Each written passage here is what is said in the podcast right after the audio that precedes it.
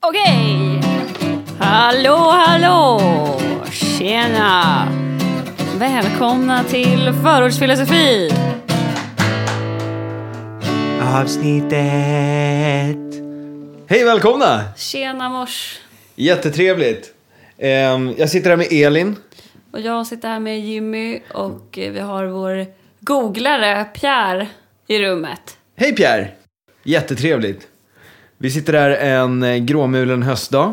Ehm, solen är fortfarande uppe. Det är alldeles regnigt och jävligt och alla löven ligger på backen. Och att säga att solen fortfarande är uppe är... Det är ju sanning med modifikation. Ja, det är liksom höstsol. Himlen är vit och grå. För att sen övergå till att vara nattsvart. Sen Verkligen. blir det grått på himlen igen. Alltså det här är ju... Motivationstal 3.0. Ja men verkligen. Alltså varje morgon när man åker till jobbet så är det ju motivationstal på högsta volym. Youtube, min bästa vän. men äh, har du något sånt? Har du någon morgonrutin när, när det ser ut så här ute? Eh, eh, Nej, alltså för mig är jag ganska oberoende av årstiden för motivationstal på morgonen. Jag är Okej. alltid självmordsbenägen när jag vaknar. Ja, så det tror jag... Jag tror halva svenska folket är med dig där. Ja, eh, så ni där ute vet också att s- så här, s- eh, eh, det är väl egentligen snön som kan påverka när man behöver så här, skrapa rutorna. Det är väl typ det som, som påverkar en. Resterande så är jag bara sjukt självmordsbenägen. Regnar det är det sol ute, det spelar ingen roll för att jag känner samma sak. Ja, det är så? Kemisk obalans. Ja, verkligen. Nej, men alltså, alla har väl klivit upp på morgonen och liksom hoppas på att det ligger en cyanidkapsel i byrån. Nej, den ska ju då eh, ligga i sängen så man inte behöver ställa sig upp och hämta den. Ja, för det är kallt på golvet såklart. För att du behövt röra dig från sängen. Ja, ja. Men jag tror... Nu vet inte jag liksom hur mycket fakta det finns bakom det här. Men vad jag har förstått det som så finns det ju i genetiken, alltså i dina anlag. Så är det så här inbyggt dy- dygnsrytm, vad som är din dygnsrytm. Okej. Och jag menar, jag är ju inte vaken. Oavsett hur länge jag har varit vaken så är jag inte vaken förrän efter klockan två. Det är ju helt Alltså, bisarrt. då börjar jag känna att ja, men livet är bra. Okej, Innan dess så är det inte bra. då vill du strypa folk. Ja, Oj. Ja, nej, men det var vad- du som la Ja, ja, undan men munnen alltså på- jag ville bara munnen på mig. förtydliga ditt ansiktsuttryck här. Ja. Ja, nej, vad- har du någon rutin? Eller morgonritual? Alltså det beror ju på hur jag känner när jag vaknar. Ja. Alltså, känner jag att livet är hårt när jag kliver upp? Och att livet faktiskt är hårt då också. Ja, alltså att jag, så här, idag vill jag inte kliva upp. Ja. Då, då slänger jag ner båda fötterna på det kalla golvet. Så andas jag djupt. Sväljer en tår. Nej, men sen så hoppar jag in i duschen och sätter igång min morgonspellista. Okej. Och sen så, ja, borstar tänderna, kör min pryl, drar igång lite kaffe. Ja. Och så sätter jag mig i bilen och då drar jag igång ett eh, motivationstal på, Ja. eh, på YouTube. Där det är män med mörka röster som berättar för mig att så här, du kan göra vad du vill. Och jag känner så här, ah, ja det kan jag. Och sen så åker jag liksom och successivt tar över. Men undrar om det där är någon så här form av kompensationsgrej. Du känner dig som så här whoop ass bitch när du vaknar. Så du känner att du måste ha mycket testo, mycket skägg och mycket mörk röst för att knuffa dig över kanten tillbaka till där du vill vara. Ja, ja, ja, men alltså så här, just i de här svaga ögonblicken så är ju, jag är ju min största fiende. När, jag inte, när jag inte tror. När jag inte tror på att världen ligger framför mina fötter. Mm. Då behöver jag en mörk amerikan som berättar för mig att det gör den visst. Morgan Freeman. Ja, men du är så här, ja men du vet, det börjar ju alltid med att typ så här. Life is here to push you around. And it's up to you. to Stand up. Nej, typ så här. Hell yeah bro. En riktig farmer. Ja, Life's in a bush around. men det är jätteskönt. Det är ju härligt. Ja. Alltså jag känner ju verkligen att det laddar mig.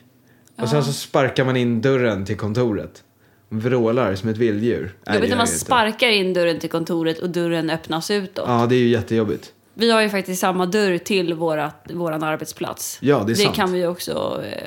Ja, precis. Eh, Vi jobbar ju på samma arbetsplats. Eh, Eh, du är delägare i företaget, jag blev anställd via dig som Ja. är min bror.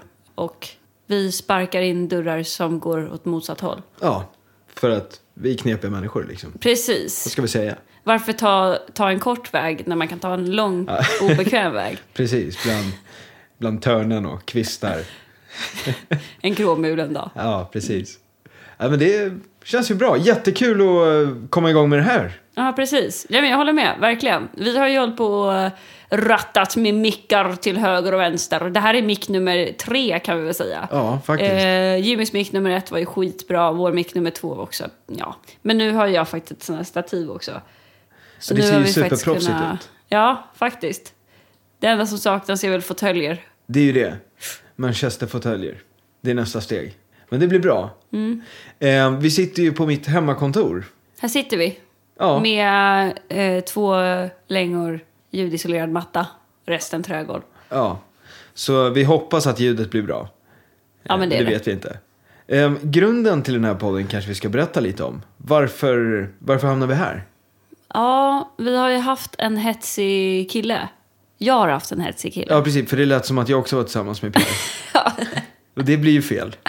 Det blir Vi tycker ju om jättetragiskt. varandra, men vi, vi liksom... Det vi- hade varit sjukt hemskt om så här, tio år, jag och Pierre är gifta. och det visar sig Det att jag visar och... sig att du och Pierre har haft ett förhållande på sidan av. en fysisk kärleksrelation.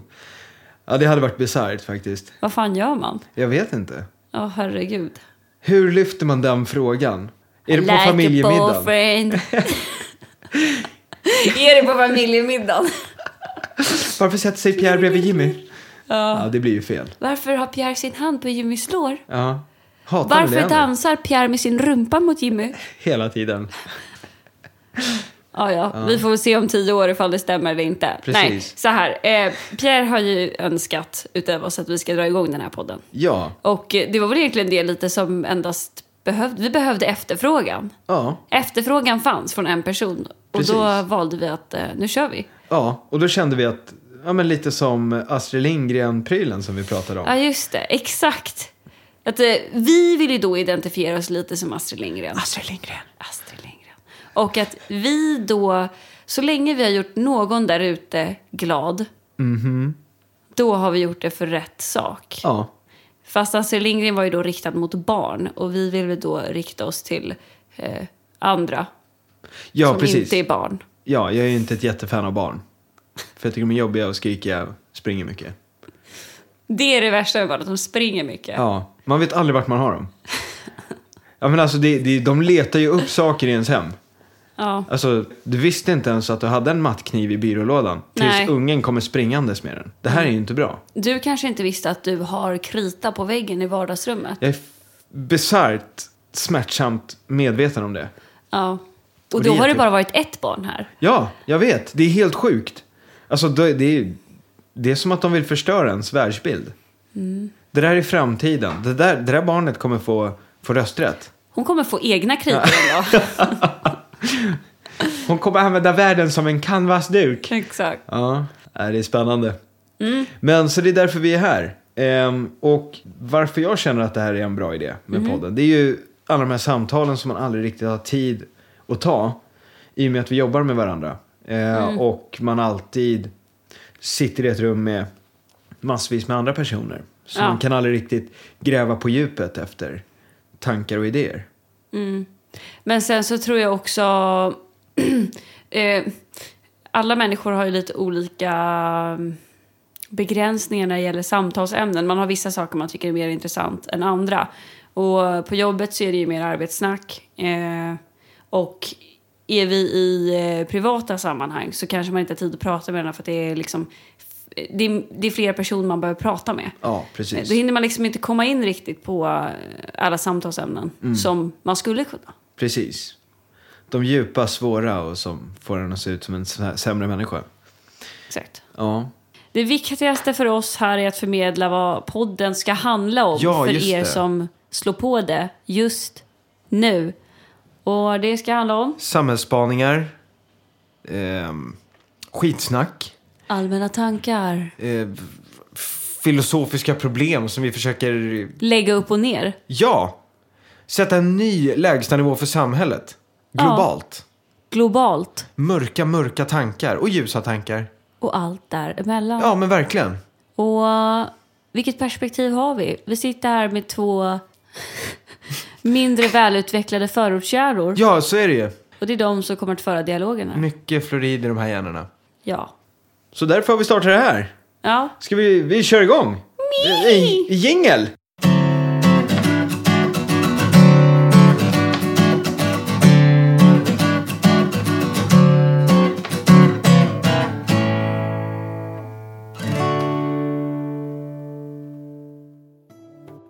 Mm. 1978. Jonestown ska bli paradiset på jorden. Här i Guyanas djungel finns ingen nöd eller rasism. Här lever svarta och vita tillsammans. Men en officiell granskning hotar. Sektledaren Jim Jones värnar om sitt livsverk. På mindre än en timme övertalar han församlingsmedlemmarna att begå självmord med honom. I amerikanska tidningar har oroliga anhöriga till medlemmar i Folkets tempel berättat om övergrepp, hjärntvätt och misshandel i sektens koloni. Nu är den kaliforniske politikern Leo Ryan på väg med flyg till Jonestown för att med egna ögon se om det finns fog för de allvarliga anklagelserna. Journalisterna tar chansen att intervjua några av sektmedlemmarna. Alla försäkrar att de trivs i Jonestown. Men en av journalisterna, Don Harris, får plötsligt en papperslapp i handen med ett nödrop. Hjälp oss att komma ut ur Jonestown, står det på lappen som är undertecknad av Van Goosney och Monica Bagby. Dagen därpå är Jim Jones redo att guida Ryan genom utvalda delar av Jonestown.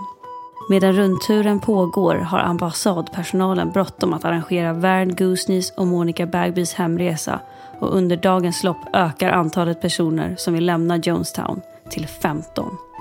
Varför vill ni resa? frågar han gång på gång. En av avhopparna förklarar sitt beslut med orden Jonestown är inget annat än ett kommunistiskt fångläger. I Jonestown ringer klockorna i högtalaranläggningen. En signal som betyder att alla ska infinna sig i den gemensamma paviljongen. Jim Jones sitter redan i sin predikstol med högt ryggstöt och betraktar sina lärjungar som kommer från kolonins alla hörn. Medan församlingen tystnar låter Jones blicken vandra över medlemmarna innan han lyfter mikrofonen. Harklar sig. Vi begår inte självmord. Detta är en revolutionär handling. Det finns ingen återvändo. Det kommer inte att lämna oss i fred. Nu åker de hem och sprider fler lögner, vilket betyder besök av flera kongressmän. Och det finns ingen möjlighet, ingen möjlighet alls, att vi ska överleva, konstaterar Jim Jones. Du, Jimmy, du vaknar upp ur en psykos. Du är Jim Jones och har precis hållit det här talet. Vad gör du? Okej. Alltså det, det är en sjukt bisarr fråga. Det finns ju en kvinna som ställer sig upp och säger eh, ja men finns det absolut ingenting vi kan göra? Eh, Är det fortfarande för sent för att flytta till Ryssland? Eh, för de har ju lite så här, ja men kommunistisk tankesätt att man, hur man ska leva på. Okej. Eh, hon bara, är det liksom för sent? Typ. Och han säger ungefär ja. Och sen så börjar de dela ut de här kapslarna. Så det är egentligen det som har hänt här. Du har precis, de har precis delats ut, hälften är typ döda. What to do, what to do. Oh shit. Okej. Alltså så här, det man har att välja på då det är egentligen skademinskning. Men då kommer antagligen resultatet bli att man blir lynchad. För det är nog en hel del som redan har börjat ta i kapslarna. Och vad jag har förstått det som så finns det beväpnade medlemmar som är väldigt inriktade på den här lösningen. Ehm, ja, alltså så här rent krasst på kort varsel. Alltså, då får man ju börja kika på, ska jag rädda mig själv eller rädda resten? Sen förmodligen, så som eh, resterande av människorna ser dig.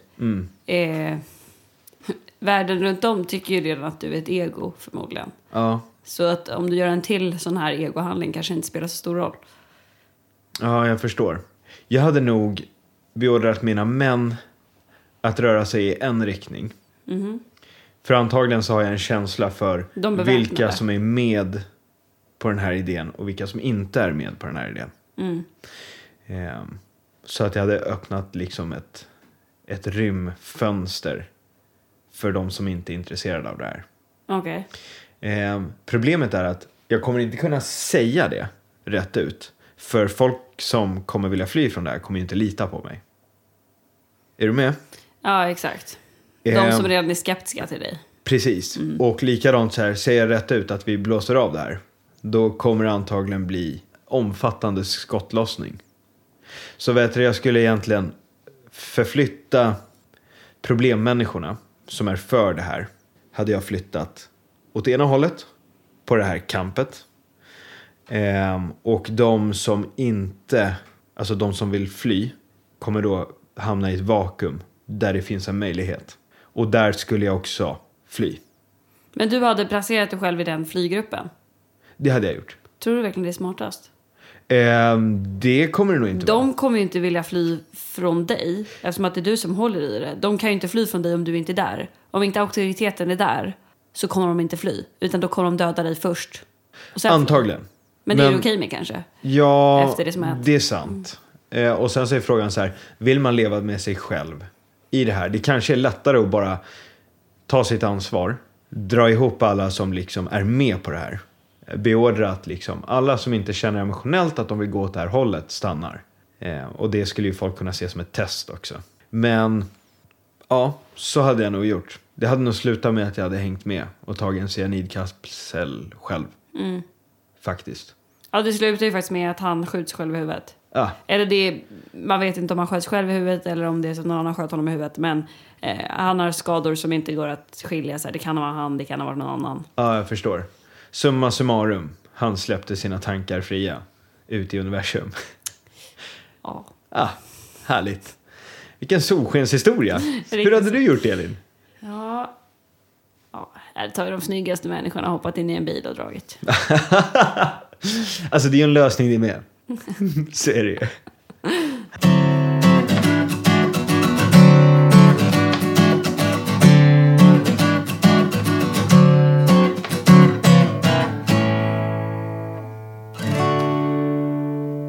Alltså jag har, har lite spaningar. Från den senaste veckan.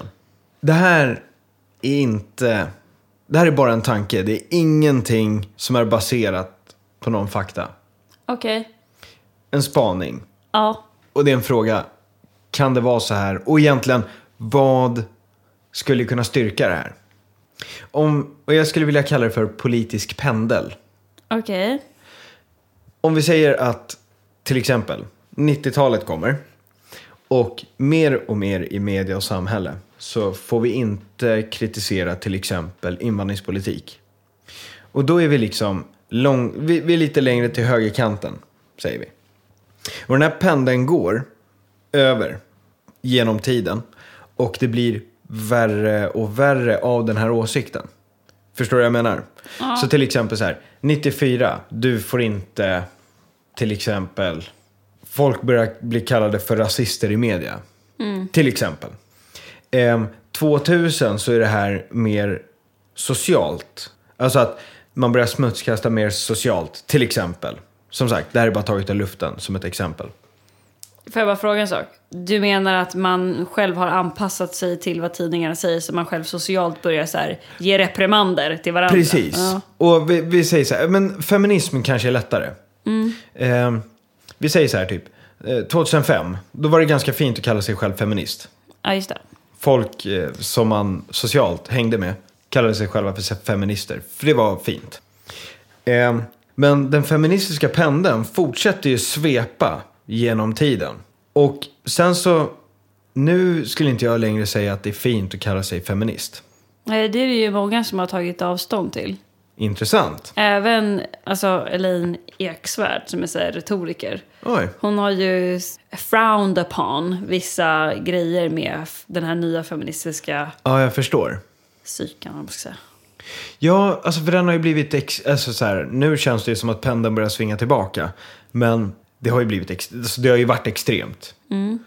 Alltså, vi säger att du skulle ta retoriken som feminister använde 2017. Mm. Eh, och så byter du ut eh, ordet till... Alltså istället för man så byter du ut det till jude, till exempel. Det, är Mm. Just ju, det. det skulle vara helt sjukt. Och jag tycker att folk borde bara ta till exempel folks uttalanden och så byter man ut orden på det tills man ser hur sjukt det kan ja, bli. för att se det utifrån liksom. Precis, för jag tror att det är det bästa sättet för att få perspektiv. Men om vi då säger 2017 så säger vi att det pikar. Och då är det liksom, det är tydligen okej att stå i media och säga att vita, vita män är problemet till allting ont i hela världen. Avhumanisera dem. Ja men precis, alltså det är inte som att det har lett till något folkmord liksom. Men det är fortfarande retoriskt helt sjukt. Alltså, ja, ja, men sen så, man har ju, man, det är det här man alltid så här, ja, sätter upp stora röda klockor för. När man Mm. retoriskt börjar eh, klä av någon, alltså människan, Mm. att du bara är ett djur. Ja, precis. Det är ju liksom, det känns så jävla så här, ja, första steget till. Men det är ju faktiskt där det börjar. Det är precis där För det jag börjar. Mm. menar, du primar, jag håller ju på att läsa en bok precis just nu, det Ah. är därför allt det här passar in. Vilken bok? Eh, av just Elaine Eksvärd. Eh, vilken av det var det nu då? Eh, vardagsmakt. Och Intressant. då pratar man väldigt mycket om så här, med retoriska knep för hur man ställer sig i maktposition. Och det kan man ju utnyttja på positiva och negativa sätt och så vidare. Och så vidare. Självklart. Men att man då ja, men, primar en person eh, med det jag vill. Vi säger att jag pratar jättegott om dig. Eh, och jag gör det inte med att säga att du är dum och du, eller att du är eh, bra och hit och dit. Utan jag bara beskriver dig som en bra person. Mm. Människor runt om dig kommer börja tycka att du är bra. Men om jag då primar dig, alltså lägger ett lager av skit över dig så fort du nämns. Alltså, ja, Ja, man karaktärsdödar. installerar, ja, Liksom. installerar sin omgivning. Ja, och eh, gör man det då som med den här feministiska pennan du pratade om. Mm. Eh, man eh, omenifierar, Ja. mänskligifierar. ja. Eh, ja, första steget. Sant. Och för det... Jag måste låna den boken sen för övrigt. Bookbeat. Oh shit! Unintended sponsor, unintended Precis. sponsor. Så om Bookbeat vill sponsra oss sen, inga problem. För vi använder er hela tiden. Mycket bra produkt. Nej men vad heter det? Eh, om vi ser den politiska pendeln då. Mm. Alltså, feminism pikar säger vi 2017. Bara ex- exempel, det är inget faktabaserat. Men nu så kan man se hur pendeln börjar gå tillbaka. För nu vill inte folk kalla sig för feminister. Eh, vi har memes på internet där det är till exempel väldigt kul att kolla på social justice warriors. Där det är videos med eh, eh, människor som står upp för eh, vad man kallar för rättvisa. Eh, men de skjuter sig själva i foten för att de inte har genomtänkta argument och gör en massa dumma saker. Och så skrattar man åt det. Vilket jag tycker är väldigt underhållande. Men vad händer då? Vi säger så här att vad händer när det här slår tillbaka? För jag menar på att nu kommer motreaktionen och den kommer sträcka sig över flera år. Och det vi ser nu i början kan vara ganska kul och gulligt. Men frågan är vad händer när pendeln går över så långt så att vi inte längre vill ha med det att göra? Ja, jag fattar. Förstår du vad jag menar? Och jag tror att det här kan vi se egentligen överallt. Tänk dig på till exempel när du motagerar mot dina föräldrar. All installation du har fått under din uppväxt Just kommer du det. motarbeta för att sen liksom pendla tillbaka. Och är inte det här intressant? Kan det finnas någonting i det här?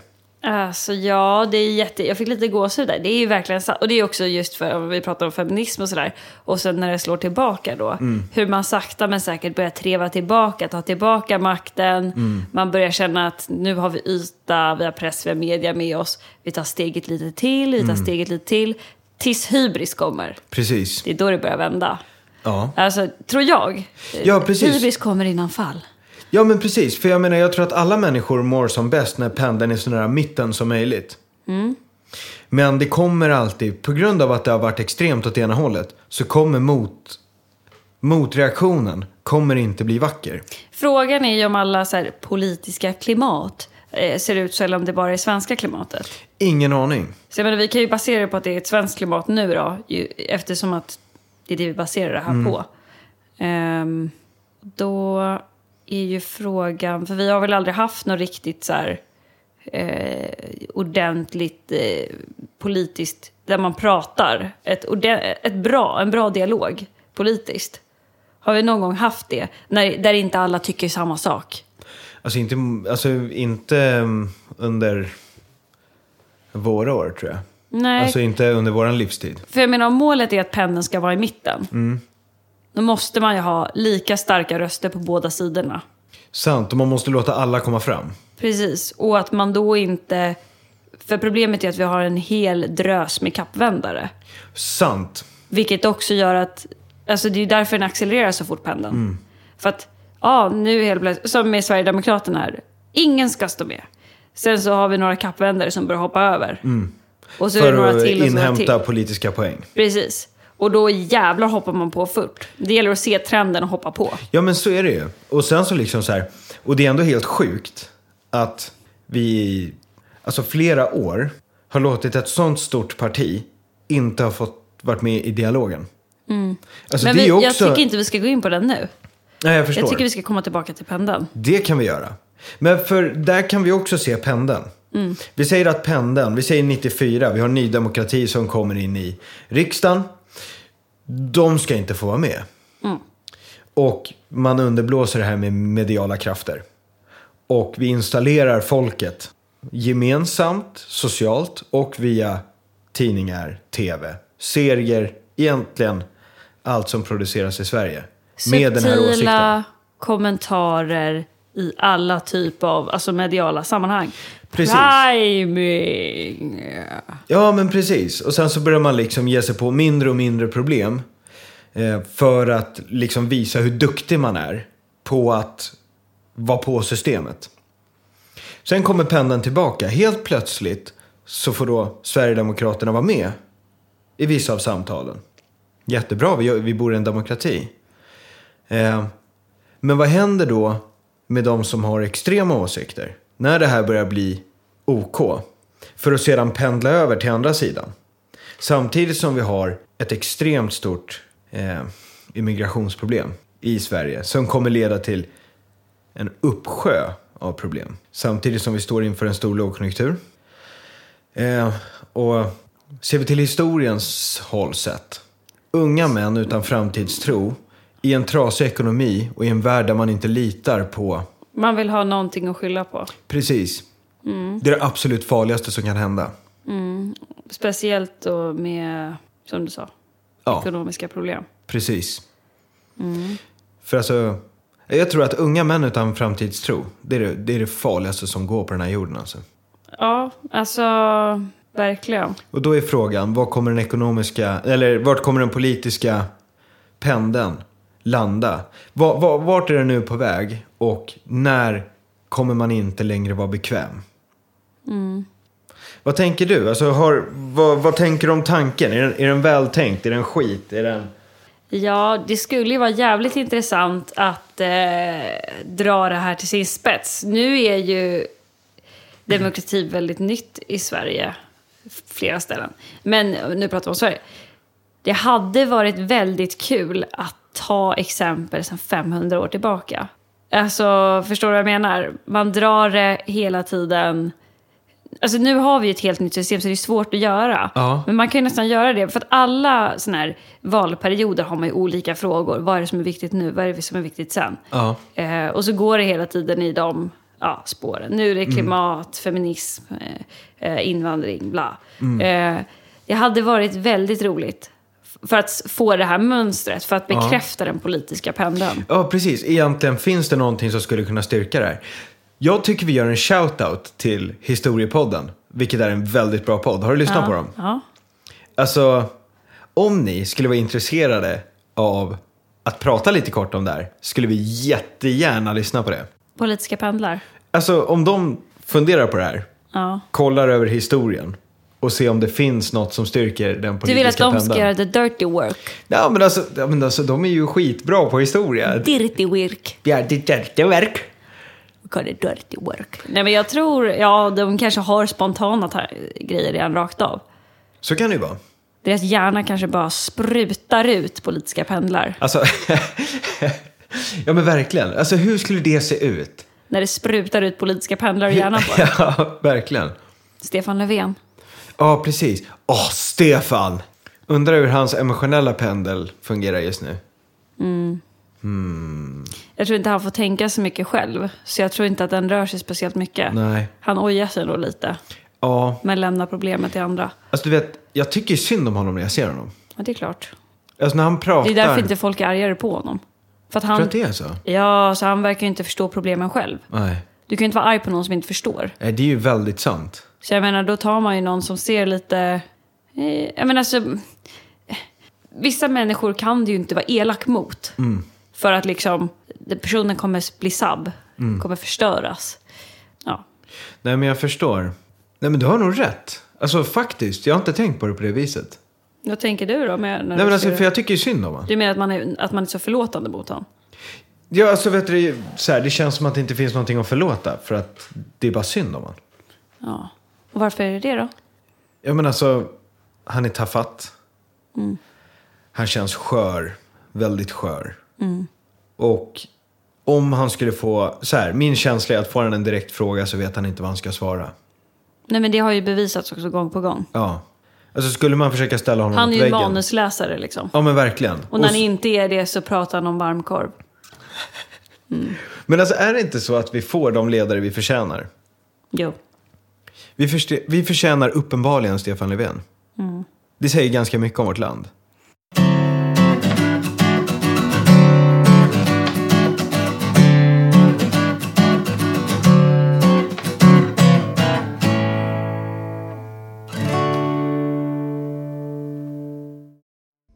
Du går på stan. Aha, Du hittar en svart bag.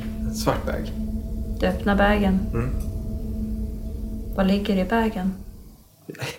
Jag vet inte Elin. Kan- Snälla berätta.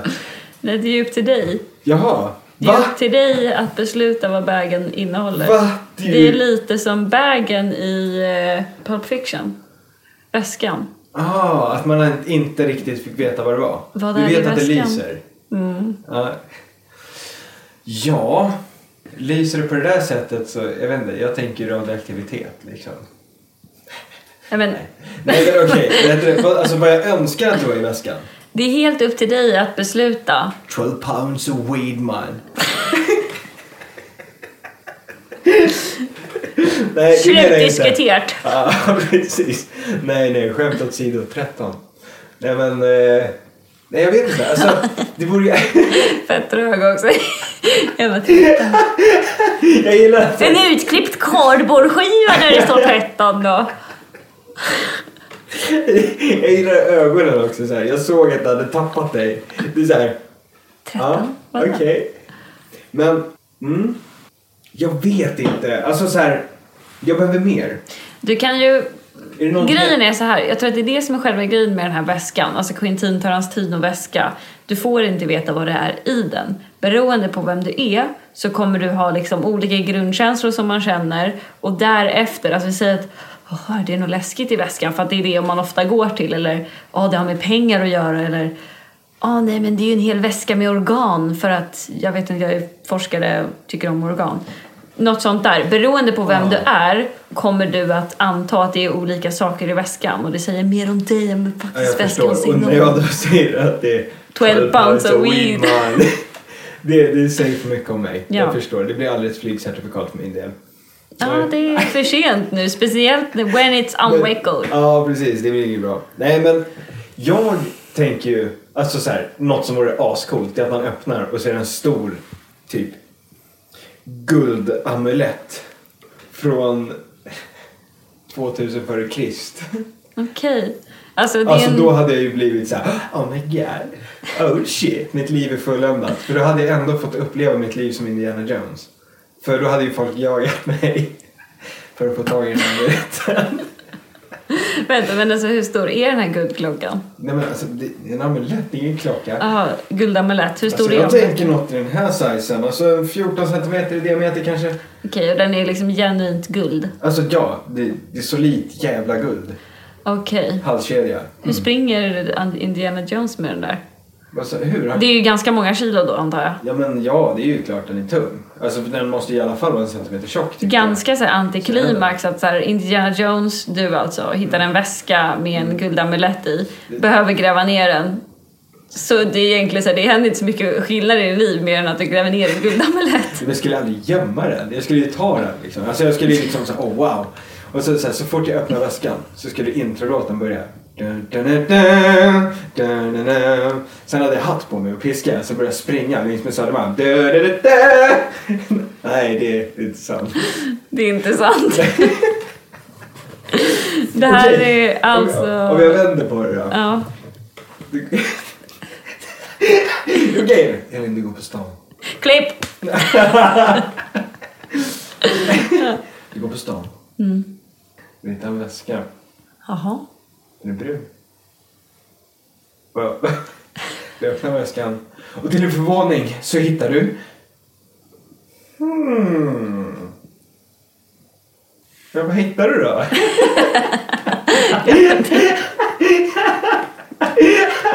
ja, det är dåligt. Jag hittar all världens vattenförsörjning. Ja, men vadå? Jo, Det är på plats i en väska. Förstår du när du öppnar den väskan? Du dränker hela Södermalm. Nej men alltså det är ju fortfarande som i en container. Jag öppnar den, jag gluttar ner och det är fortfarande liksom som att du öppnar en burk av sylt. Det är liksom i, i höjd med väskan. Men hoppar i så är det ett helt liksom hav. Det är en bottenlös väska med vatten. Ja. Och det jag vill säga med det, vem är då jag? Jag är den som ger vatten till all världens befolkning. Nu känns det som, alltså det här, det här känns som talet som du vet Miss Universum drar. Och vad skulle du hitta i väskan? Ja, Jag skulle hitta Världsfred! världs... En kapsel med världsfred. Så Hur kan, behövlig. hur kan det slå fel? Liksom en kapsel med världsfred. Ja, Jag vet inte. Jag tänker, att- alltså ett, en kapsel med världsfred, det skulle ju vara ett extremt potent virus. Som Oj. sprids liksom. Då är det ju färdigkrigat. Men alltså bara då på folk som har en viss, en viss mängd av aggression i sig, eller vadå? Nej, alltså jag tror... Ja, men alltså så här, du vet, finns det inga människor så finns finns det inget krig. Liksom. Ja. Men jag är lite mörkare. jag är lite mörkare tankar. alltså. Down the rabbit. Men, om vi säger så här då. En kapsel med fred. Elin, Mm. vad, vad innehåller en kapsel med fred? Ja... Alltså jag tänker så här, har vi inga människor som vill kriga så har vi ju inte eh, krig. Det är så- Genius! Men då tänker jag att då måste man ju utesluta all form av manipulation och eh, hat och eh, ja, psykopatdrag. Mm. Och då måste man ju på något sätt, det här viruset måste ju då kunna hitta viss typ av eh, gen eller typ hormon liksom. Jag förstår. Men då blir det ju också som att stympa hälften av befolkningen. Ja. Men Jag menar... Alltså de säger ju att många psykopater har chefspositioner. Vi skulle ha ett chefslöst samhälle. Mm, jävlar. Helvete. Och jag tänker också... Alltså vadå, så att viruset hittar... Vadå, viruset tar livet av individualister. Hela västvärlden skulle ju försvinna. Ja, det är kanske det som är problemet. Ja, Det, Eh, Alltså om vi pratar om krig och sånt. ja, Det är kanske det, just det som är... eh, I grunden. Alltså det är ju sant. För jag Det- menar, har vi inte krig så skapar vi det. Eller vi. Det är konstigt sagt kanske.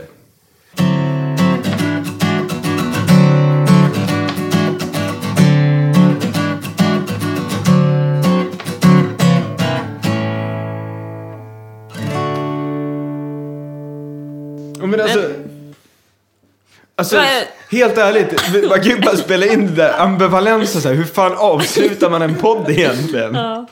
Ja, det här var Nej, ju, det nej. här var ju kul. Jag tr- Nej, Det, det skulle kunna, man skulle kunna avsluta den som en sån här dålig, du vet tidig 2000-tals rapslåt. Rapslåt. Äh, rap. du vet en sån här sång de sjöng ute på fälten när de slog raps. Ja. Hej fan tid det är. Ja, är det några som kan musik så är det fan rapsbönder. Vad fan skulle det bli för hillbilly skit? Jag tänker mig att de har sån här vit sak på huvudet, en sån här chalett. Va? Och att det, att det blir någon form av typ så här country. Så här svensk visa typ. Ja! Vadå lite, lite så folkdräktsinspirerat? exakt. Ja, de står och... Ja. Står Folks, folksdräktsinspirerad gangsterrap. För jag antar att det är jävligt mörkt. Hur mörkt kan det vara att slå raps? Nej men alltså ska vi ha varje vecka eller varannan vecka? Ska vi börja med varannan vecka? Ja, det tycker jag. Där är den första på varannan vecka Mm, någonsin. Nej, jag vet inte. Man skulle ju kunna säga så här. Ja, men tack för den här podden då. Och så bara. Hej då pappa, ha det bra. Se emot det. Ja, det kan vi ha. Ja, hej då då, tack. Vi, vi hoppas att vi hörs nästa vecka. Hej! Nej, näst nästa! Hej!